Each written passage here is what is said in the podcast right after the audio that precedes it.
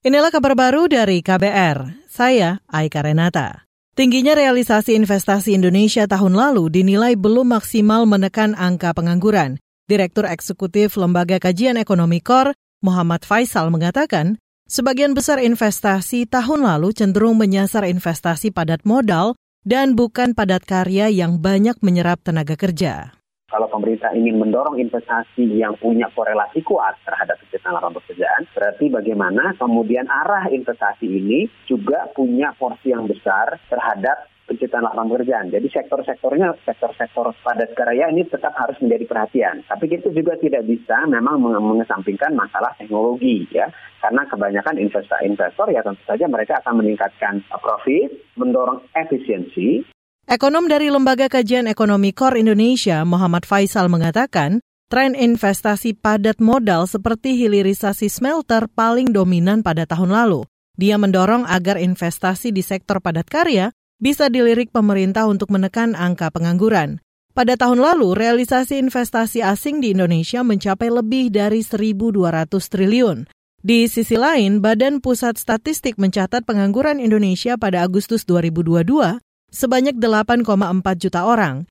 Angka pengangguran hanya turun 600 ribu orang dibanding periode yang sama tahun lalu. Kita ke soal lain. Perusahaan listrik negara PLN diminta meningkatkan performa pelayanan terhadap masyarakat. Dorongan itu disampaikan anggota Komisi Bidang Industri DPR Nasim Khan merespon turunnya beban utang PLN. Nasim juga mendorong PLN memperbaiki infrastruktur di sejumlah daerah. Tetapi kita harapkan ini menjaga, jangan menjadi sesuatu yang lengah atau meringankan dari segala pekerjaan manajemen secara maksimal. Kami harapkan PLN bisa ke depan lebih baik, ya kan? Jangan terbuai dengan laba yang sekian, tetapi masih ada tanggungan yang besar.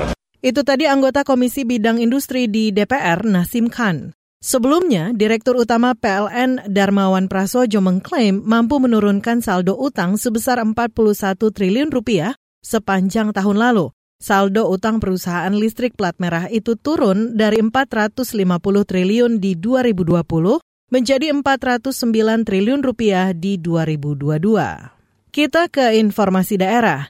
Tim gabungan TNI Polri diklaim sudah mendapat titik terang dalam upaya pencarian dan penyelamatan pilot Susi Air Philips Max Martin. Philips disandra kelompok bersenjata di Papua pimpinan Egyanus Kogoya. Kasus itu terjadi usai pesawatnya dibakar di Nduga, Papua Pegunungan pekan lalu.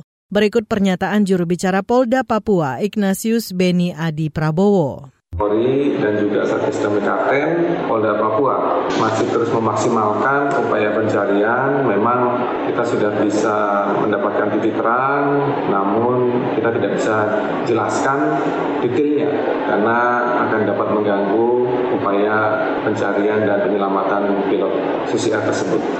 Juru bicara Polda Papua Ignatius Beni Adi Prabowo mengklaim pilot Susi Air dalam keadaan sehat. Saat ini tim negosiasi yang dikirim sudah berhasil bertemu dengan kelompok bersenjata.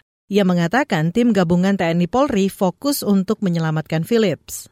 Demikian kabar baru dari KBR. Saya Aika Renata.